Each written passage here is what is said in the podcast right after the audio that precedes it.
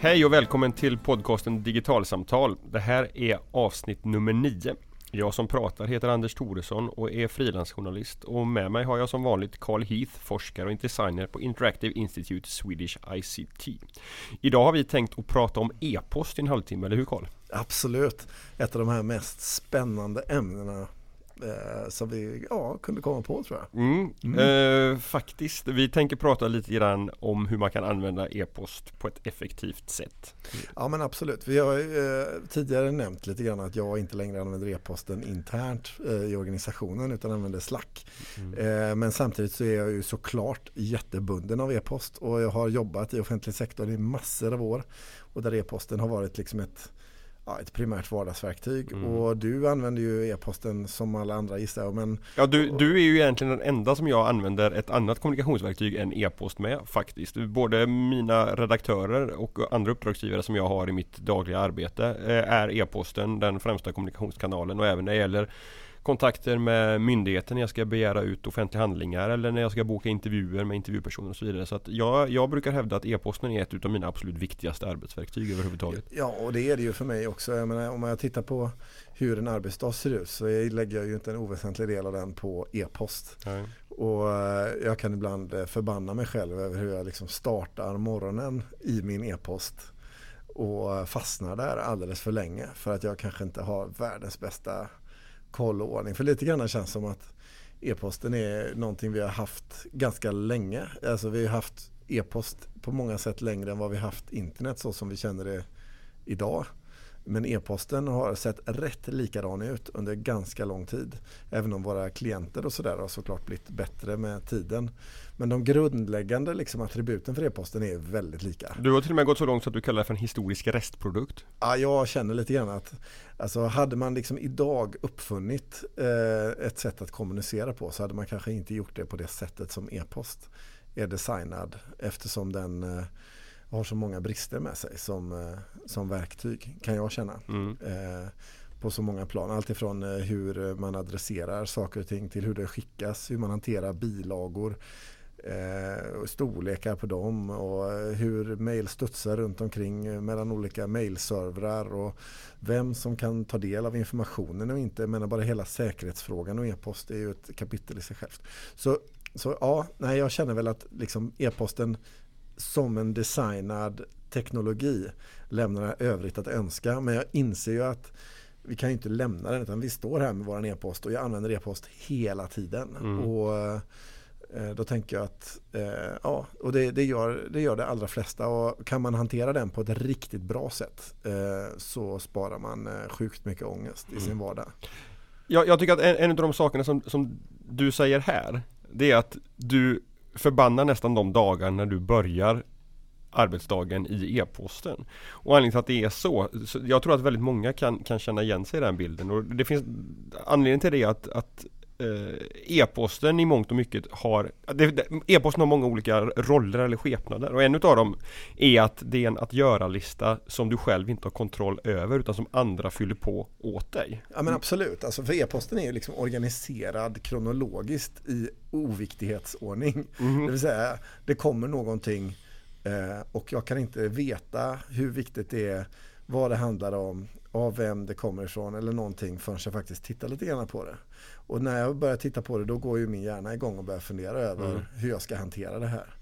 Eh, och om det då är något viktigt och jag inte har tid för det, ja då sitter jag ju där med tanken utan att kunna fullborda handlingen att hantera det hela. Mm. Och, så det, jag kan verkligen se hur e-posten liksom både stressar mig och många andra. Mm. Och jag tycker att ett, ett sätt att hantera det är att verkligen sätta in e-posten i ett sammanhang med, med vad du har för andra arbetsuppgifter och hur du har planerat just den här arbetsdagen. Jag brukar ha som, som ambition att inte öppna mitt e-postprogram förrän jag har gjort åtminstone en eller två viktiga arbetsuppgifter den dagen. Och jag in, eh, avslutar därför alla arbetsdagar med att faktiskt bestämma vad det första jag ska göra dagen därpå är. Därför att annars, om man inte vet vad man ska göra när man kommer till jobbet, då är det väldigt lätt att ta en kopp kaffe eller en kopp te och sätta sig vid datorn och så funderar man lite grann på, men vad ska jag börja med nu då? Och då ligger det nära till hands att starta med e-postprogrammet. Ja, absolut. Och det är också så att eh, det handlar om hur ens relation är. Under en lång period så hade jag push eh, notifications på e-post eh, i telefonen och överallt. Så att så fort det kom ett mail så sa det ping. Eh, och då blir det ju också ett sätt att ta sin tillflykt ifrån andra saker och ting som är jobbiga att göra.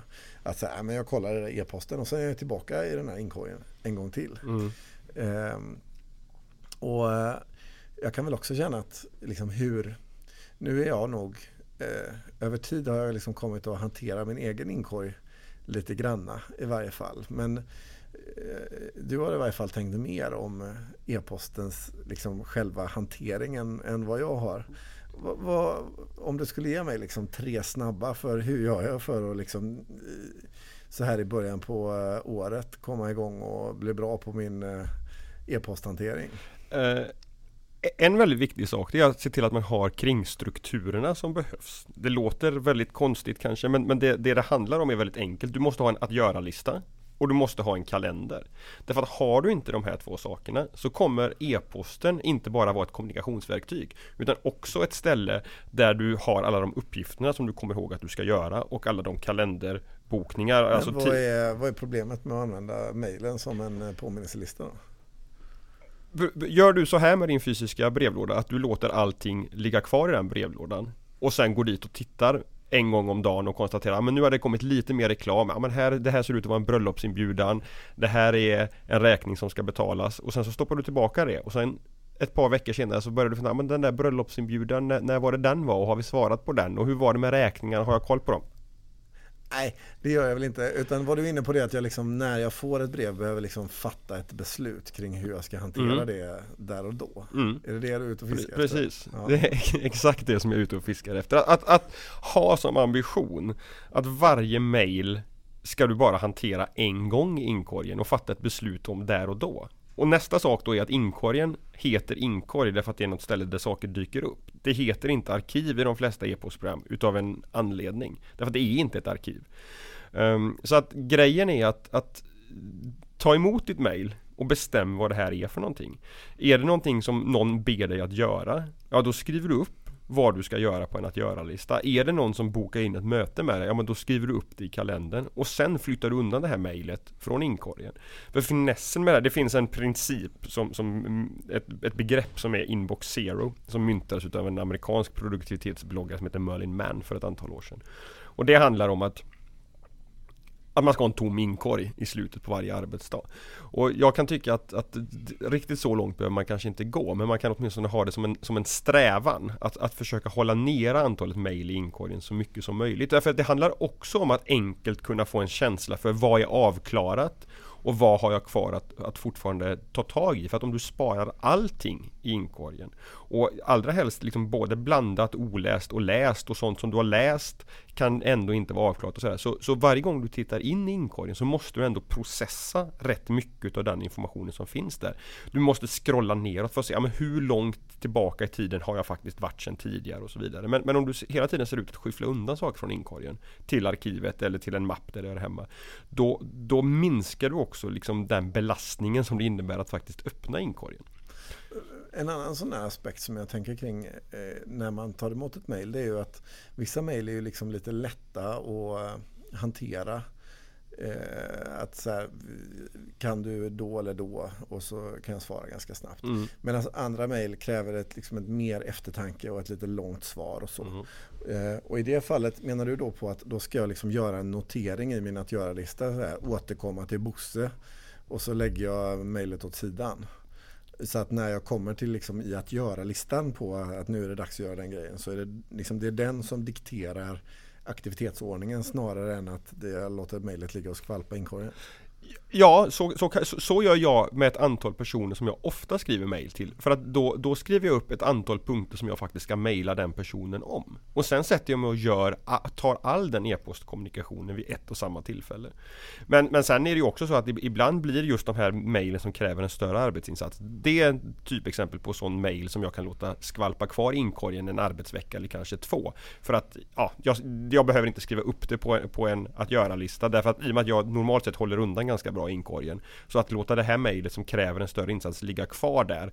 Jag kommer inte tappa bort det i, i liksom, det finns kvar i processen? Det finns liksom. kvar i processen tack vare att jag i, i övrigt vet att det som ligger det, det, ligger inte någonting annat kvar där som kan, kan dränka det så att säga. Men när man nu kommer i nya tjänster tänker jag som eh, jag vet att eh, det finns när automattjänster mm. som läser av innehållet i din e-post och så dyker eh, din bokningsreferens till flyget upp automatiskt i din kalenderhändelse och saker och ting autogenereras till höger och vänster mm. i, i, våra system. Mm. Och är det liksom inte, är vi liksom i någon brytpunkt där, där vi liksom kan skita i ordningen lite grann? Alltså om man tittar på hur hur Googles eh, Gmail är organiserat så är den ju liksom nästan mera designad för att liksom inte organisera saker i mappar och att istället söka mm. i sin inkorg. Men, men, det tycker jag egentligen är två olika diskussioner. För att det ena handlar om vad du ska göra med mejlet när du har processat klart det. Och där kan jag tycka absolut, strunta i att, att ha speciella mappar för olika uppdragsgivare eller olika liksom, projekt och så. Det, det kanske du inte behöver ha, utan där kan du använda bra sökfunktioner som finns. Men det förtar inte behovet utav att faktiskt fundera igenom vad innehöll det här mejlet? Därför att du, du hamnar ändå i en situation där du måste söka efter ett specifikt möte. Har du direkt skrivit in det i kalendern så blir det lättare att se när det mötet är. Och du, du hamnar också i en situation att när nästa mötesförfrågan kommer in då, då kan du titta på kalendern så har du alla dina möten där.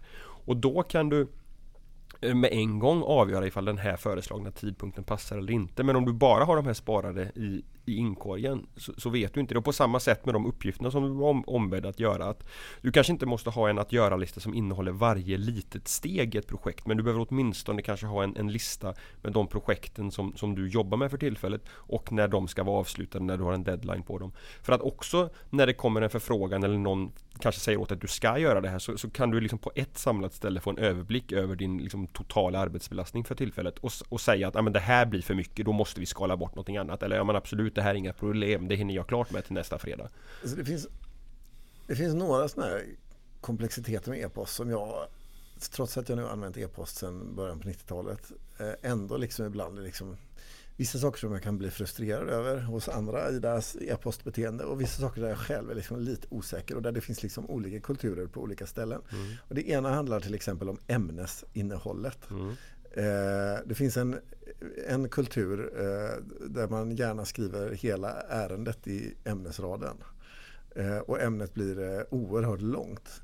Eh, och det ger mig liksom lite så här maggung på något sätt. För eh, det är svårt i min klient att faktiskt kunna läsa den här ja, jättelånga mm, mm. ämnesraden.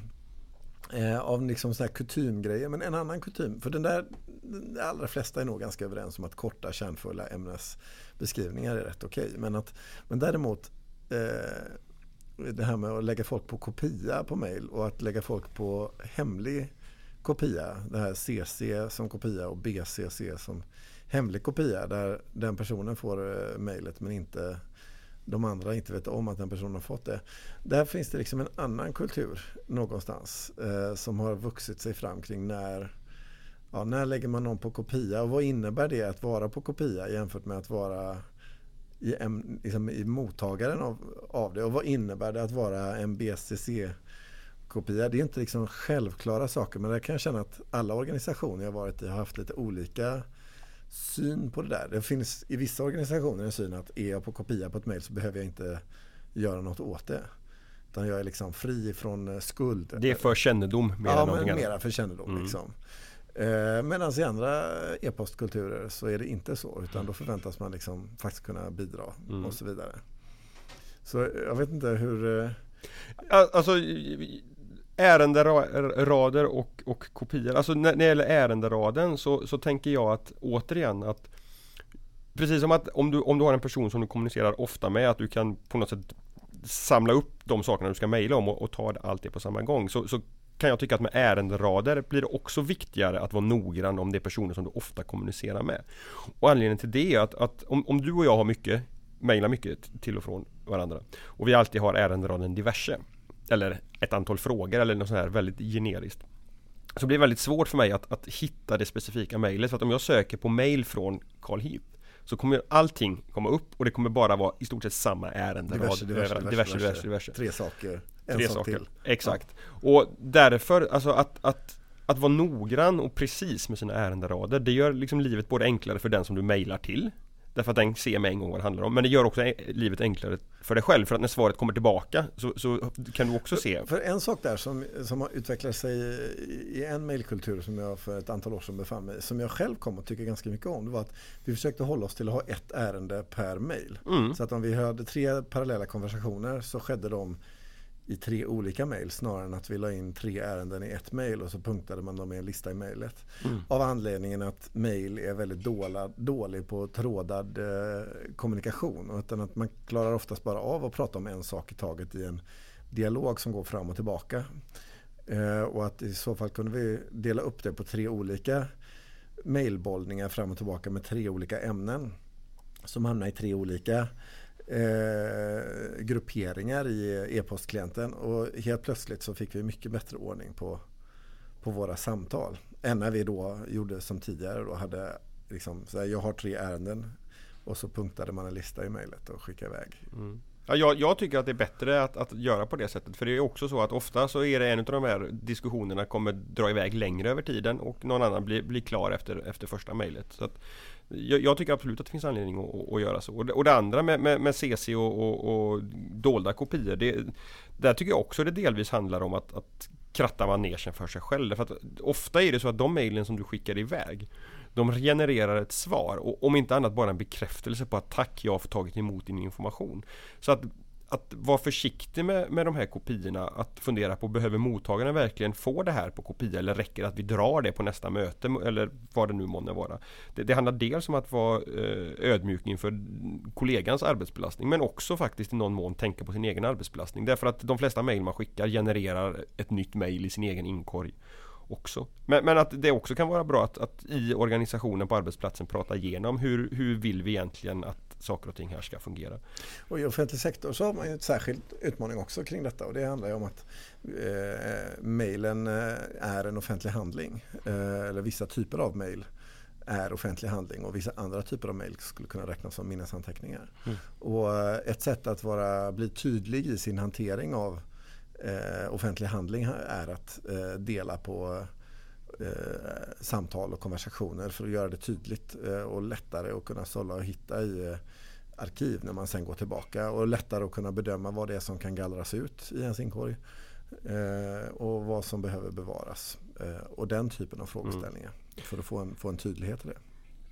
Men för några avsnitt sen så pratade vi om rent generellt om hur man kan bli effektivare med sin dator och använda den på ett smart sätt och varför det faktiskt är en kompetens som man behöver ha i samhället idag. Därför att det sparar tid och så vidare. Och redan då så, så nämnde du Slack och Slack är ett verktyg som jag eh, som frilans med eh, Jag är den enda som jobbar för frilansfirman Anders Thoresson. Så jag har inte jättestor glädje av Slack.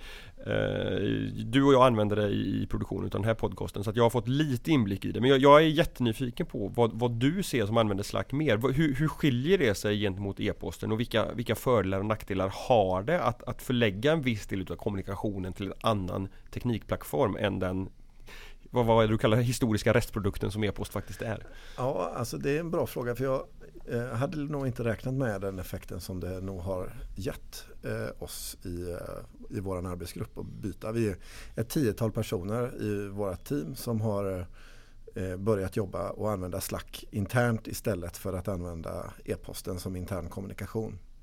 Och vad man kan säga att det är ett antal olika saker som Slack gör som förändrar sättet på vilket vi interagerar internt. Eh, för som vi varit inne på så är ju mejlen eh, designad på ett sånt sätt så att den är inkommande utifrån en kronologi. Mm. Så att det senaste kommer alltid överst. Och så kommer nästa och så kommer nästa. Såvida jag inte gjort om inställningarna på något annat sätt och trixat och finlirat. Eh, det är den ena aspekten. En annan aspekt är att jag vid varje enskilt ärende måste specificera vilka som ska få den informationen som vi var inne på. Jag behöver välja vilka ska vara på kopia, vilka ska vara för kännedom och vilka ska inte vara sådär. Slack funkar på det sättet att eh, vi är ett eh, team så vi som eh, har Slack det är vi som är i, i våran miljö och vi använder det då för intern, intern kommunikation. Så istället för att jag mejlar mina kollegor om olika saker så diskuterar vi det på Slack. Och Slack är uppbyggt på ett sådant sätt så att det inte primärt följer en kronologi. Utan vad det följer är de projekt som vi är engagerade i. Och där har vi själva organiserat våran Slack utifrån de projekten som vi jobbar i. Så i projektet Digitalsamtal eh, som jag har hittat på som bara du och jag befinner oss i så är det just bara du och jag som är i det. För det är ingen annan som har ett behov av att finnas där. Medan i andra kanaler i, Slack eh, är då associerade till andra projekt som vi har pågående. Vi har också en eh, kanal som är generell. Vi har en kanal för våra eh, veckomöten. Och istället för att vi då skickar ut ett mail med eh, agendan för veckomötet så genereras diskussionen kring veckomötet i den kanalen. Så när vi träffas veckan efter så är, går vi in i den kanalen, skriver anteckningarna där och det blir som ett slags löpande dialog och där man alltid kan komma tillbaka och se vad som har pågått. Så en, en sak som jag har förstått som finns i, i Slack som jag blir väldigt nyfiken på det är också att det blir ett, ett kollektivt arkiv där allting blir, blir sökbart vilket är en, en, glädje både för de som är inne i ett projekt nu men det innebär också att en, en sentillkommen deltagare i ett projekt kan gå tillbaka och se hela eh, historiken, hela kommunikationshistoriken och, och, behöver kanske inte ställa de mest triviala frågorna om hur fungerar saker Absolut. och ting och så vidare. Alltså, det gör jättemycket att eh, det är sökbart eh, för alla som är inne i systemet också tillbaka i tiden. Eh, en ytterligare aspekt som är, är, för oss viktig är att vi använder andra webbaserade tjänster som eh, Google Drive, vi använder eh, ett processstyrningsverktyg som heter Trello och ett antal andra tjänster. Och de här tjänsterna eh, integrerar med Slack. Så har vi ett projekt som pågår i Slack och jag till exempel skriver en uppdatering i vårt processverktyg eh, Trello eller jag eh, drar igång ett nytt Google Drive-dokument i en folder associerad med ett visst projekt. Då dyker det upp som påminnelser eller notifieringar i den Slack-kanalen. Så vad, vad som händer är att Slack inte bara blir en ersättare för e-posten utan den också Det blir ett nav för blir, eh, Precis, den blir ett nav för interaktionen och samtalet som pågår. Mer i en slags eh, messengerformat kan man säga än, eh, än vad e-post är. Det blir en slags eh, mix mellan e-post, eh, eh chattklient Eh, och eh, informationsyta. Men det innebär också att det blir inte så verktygsberoende då därför att det här blir en, en en, en hubb för, för allting som händer i ett projekt så länge det går att integrera med, med Slack. Och du behöver inte titta i Trello för att se om det har hänt någonting där och du behöver inte titta ifall någon har, har editerat dokumentet på Google Drive utan du behöver bara kolla i Slack-kanalen. Ja, har det hänt något så kommer du se det där och då, då kan du gå vidare. Så det blir en tidsbesparing andra, på det sättet. Absolut, och de andra ser också vad som har hänt där vilket gör att vi kan föra en diskussion om saker som har hänt tillsammans där. Eh, en annan intressant aspekt som hände som jag inte alls tänkte på förrän ett tag senare det är ju att eftersom vi jobbar med internkommunikation i Slack så gör vi då följaktligen inte det i mejlen. Och konsekvensen blir ju att min mail blir en plats som jag kommunicerar externt. Mm. Eh, vilket gjort att jag har delat upp intern och extern kommunikation i olika digitala verktyg. Och den uppdelningen är intressant för den innebär att jag får en annan typ av valfrihet i vad, hur jag lägger upp min arbetsdag eh, och när jag faktiskt jobbar med e-posten.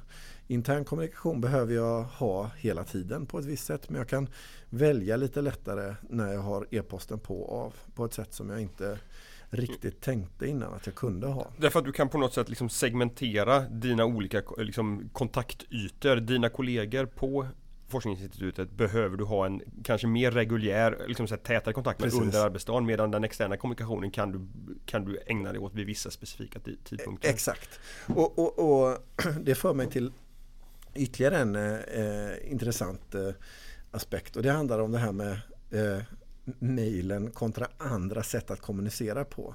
Eh, för vad som har ju hänt de sista tio åren egentligen eh, det är ju att vi har börjat umgås över så många olika sätt att textbaserat samtala på. Eh, vi använder inte bara mejlen eh, utan vi använder massor av olika verktyg och det är också en generationsfråga. Vilka verktyg som är den primära kommunikationskanalen. Och eh, där sms eh, spelar en viktig roll för väldigt många människors vardagskommunikation. Men också många andra tjänster som eh, Facebook Messenger och Eh, Whatsapp och eh, Kik och Instagram och eh, vad det nu kan vara för någonting.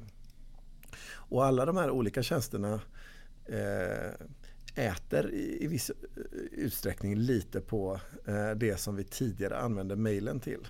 Men där vi har lite olika värden i de här olika kanalerna och hur vi ser på dem. Själv så kan jag väl känna att jag upplever att mejlen är lite mer av ett skrivet ord. Medan det jag diskuterar till exempel i WhatsApp eller i i, på Twitter med en Twitter message. Det är mer talspråk. Mm. Eh, men däremot i efterhand så granskas nog min skrivna text som skriven text oavsett. Alltså om någon annan går tillbaka eller, eller så. Det ser vi till exempel när det blir rubriker av hur folk skriver på Twitter. Eh, jag tror att de flesta som skriver på Twitter och där det sen blir ett eh, haveri upplever att de har pratat talspråk snarare än att skrivit en dokumentation för eftervärlden. Mm. Och, och mejlen tillhör lite mer av den här dokumentation för eftervärlden kategorin eh, av eh, plattform. Och sen är det liksom en glidande skala vad vi vill definiera andra skrivna ytor som. Eh, men en sak är ju väldigt klar och det är ju att gradvis så luckras mejlens dominans upp. Mm. Där den för tio år sedan var alldeles självklar och det enda verktyget man i arbetsrelaterade sammanhang använde. Så finns det idag många olika ytor. Och där man ibland kan uppleva den här komplexiteten i vad det innebär att vara olika personer i samma plats. Jag tänker då till exempel på att vi oftast har en arbetsrelaterad mail och en privat mail och det funkar ganska bra. Men är du på Facebook så är det inte riktigt lika enkelt att ha flera konton eh, och vara olika identiteter. Eh, så en fördel i mailens värld är just den här liksom identitetsfriheten på något sätt. Eh, som andra verktyg i viss utsträckning saknar. Men å andra sidan har en mängd andra kvaliteter som gör att vi mm. ändå väljer att vilja använda dem. Mm. Så tittar jag på hur min egna kommunikation ser ut idag så är den ganska fragmenterad på väldigt många olika plattformar. Från att tidigare ha varit väldigt mejlstyrd. Och jag kan tänka mig om jag ser till offentlig sektor hur man hanterar eh, de här typerna av tjänster så kommer vi stå inför ganska många utmaningar eh, i hur vi förhåller oss till det. Liksom, vad är, det är självklart att man som offentlig tjänsteman har Eh, en mejladress mailadress idag. Eh, men hur ser det ut om fem år? Har vi en eh, offentlig Facebook-sida eller liksom hur ser det ut med Twitter? Ja, det ser lite olika ut på olika ställen. Och hur är det med alla andra upplänkliga tjänster? Vad är det som så att säga, tillhör vårt yrkesliv och vad är det som tillhör andra ytor? Och där är vi liksom mitt i den brottningskampen just nu kan jag väl känna. Tror du att vi skickar e-post om tio år? Alltså e-posten har ju hittills varit fruktansvärt seglivad.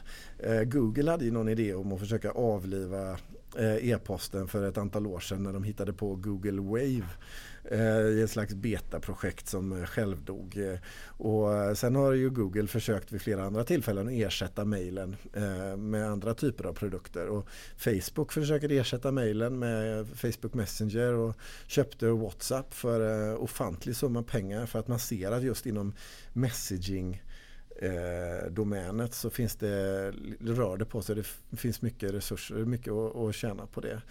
Eh, så det finns ju liksom ett tryck på mejlen från många olika håll. Jag skulle tro att mejlen är kvar om tio år, eh, faktiskt. Jag tänker att en styrka som e-posten faktiskt har är att det är, en, det är att det är en distribuerad teknik. Att du lägger inte alla ägg i en korg. Att, och det innebär att, att e-posten både är väldigt robust, du är inte beroende av att en part håller sina servrar uppe och att de servrarna finns kvar över tid.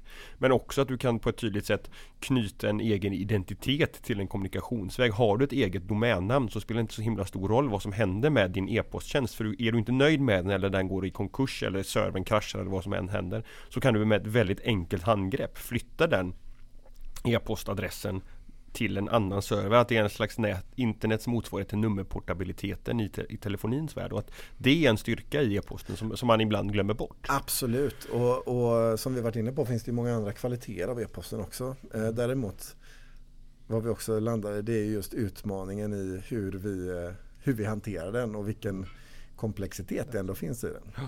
Jag skulle bara vilja avsluta det här med att tipsa om ett litet Mac-program som heter Letter som har den speciella egenskapen att det är ett e-postprogram som man bara kan skicka e-post med och inte ta emot e-post. Vilket är suveränt för de här tidpunkterna när man har mycket mail som man vill bli skicka, som man behöver skicka.